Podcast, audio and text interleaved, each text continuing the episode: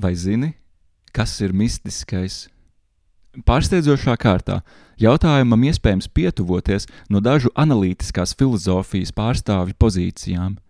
Esejā misticisms un loģika Bertrands Rasels izvēlējies negatīvas definīcijas ceļu.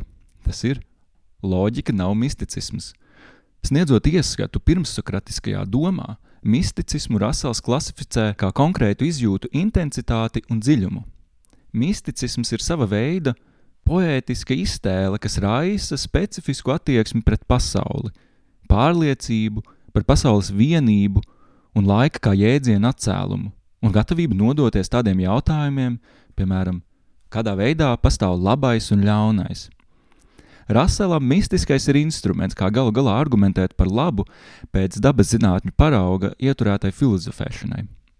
Līdzīgu, bet krietni interesantāku pozīciju piedāvā Ludvigs Wittgensteins savas filozofijas agrīnajā periodā. Kaut kopējais uzstādījums ir tūs Rasela. Wittgensteina attieksme pret mistisko raksturojama kā stipri ambivalenta un ambicioza. Nu, patiesības labad derīgi piebilst, ka turpinājumā klāstīšu vienu no Wittgensteina interpretācijām, kas savu uzplaukumu piedzīvo 21. gadsimtā. Pētnieku Alises Krērijas un Ruperta Rīda vārdiem tā ir tā saucamā jaunā debata par Wittgensteinu, kurā, starp citiem jautājumiem, tematizēts arī Wittgensteina neviennozīmīgais skatījums uz metafiziku. Wittgensteina metodiskie uzstādījumi darbā Loģiski filozofisks traktāts ir gana skaidri.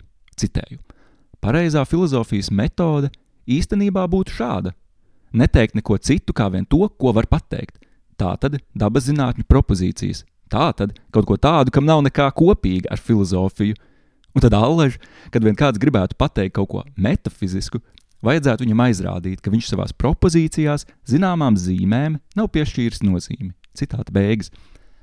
Valodas jēgas un precizitātes nosacījums ir tāds, ka valodu veidojošiem elementiem, vārdiem un nosaukumiem, tiem ir nozīme.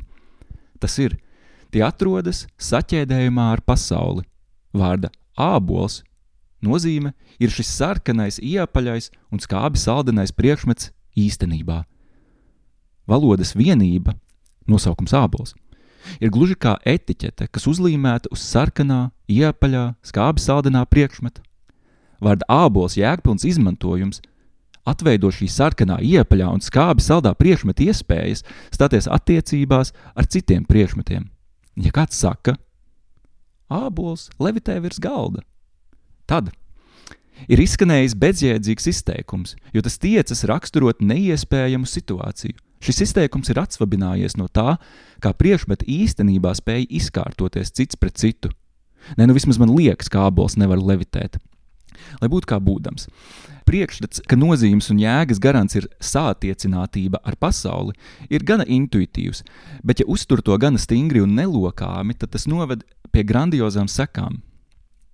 Jebkurš izklāsts, kas apgalvo jebko par nozīmi vai jēgu, ir principiāli bezjēdzīgs. Valodas vienībām, vārdiem nozīme un jēga, tiem nav atbilstoša priekšmeta īstenībā. Un, ja kāds gribētu apgalvot, ka ir gan, tad šim kādam varētu jautāt, vai šis priekšmets, līdzīgi kā ābols, ir sarkans iepažs un skābens salds, vai arī varbūt dzeltens, mīksts un ar kauliņu pa vidu. Jēga un nozīme ir abstrakti jēdzieni.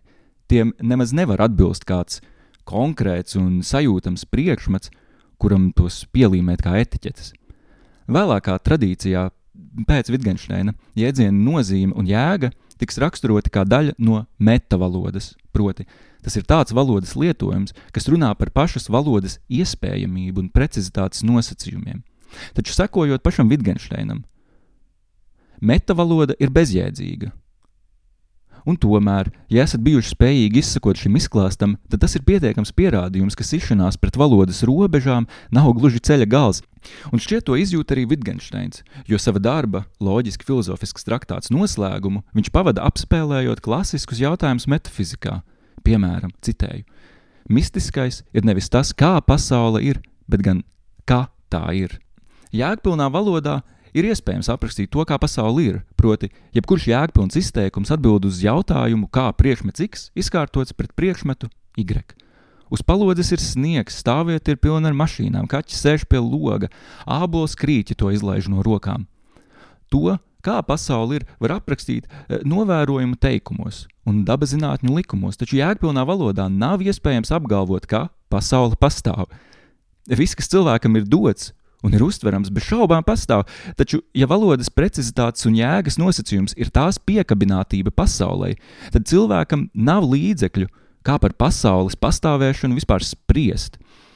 Viss priekšmetiskais, ko varam domāt un aprakstīt, pastāv, taču tā nav īpašība, kas atklājas pasaulē. Tā ir formāla īpašība, kas ir ietverta jēdzienā, bet tas ir kas radikāli cits nekā, piemēram, priekšmeta vizuālais izskats un materiālie raksturlielumi. Formu var aprakstīt vārdiem apaļš, kantains, trīs stūrveida. Matēriju var aprakstīt vārdiem ciets, mīksts, šķidrs. Tās ir redzamas, sajūtamas pasaulē esošas īpašības, tomēr apstākļus, ka priekšmets ir, nevis nav, ir principiāli neieraugāms. Tas ir tikai abstrakti domājams.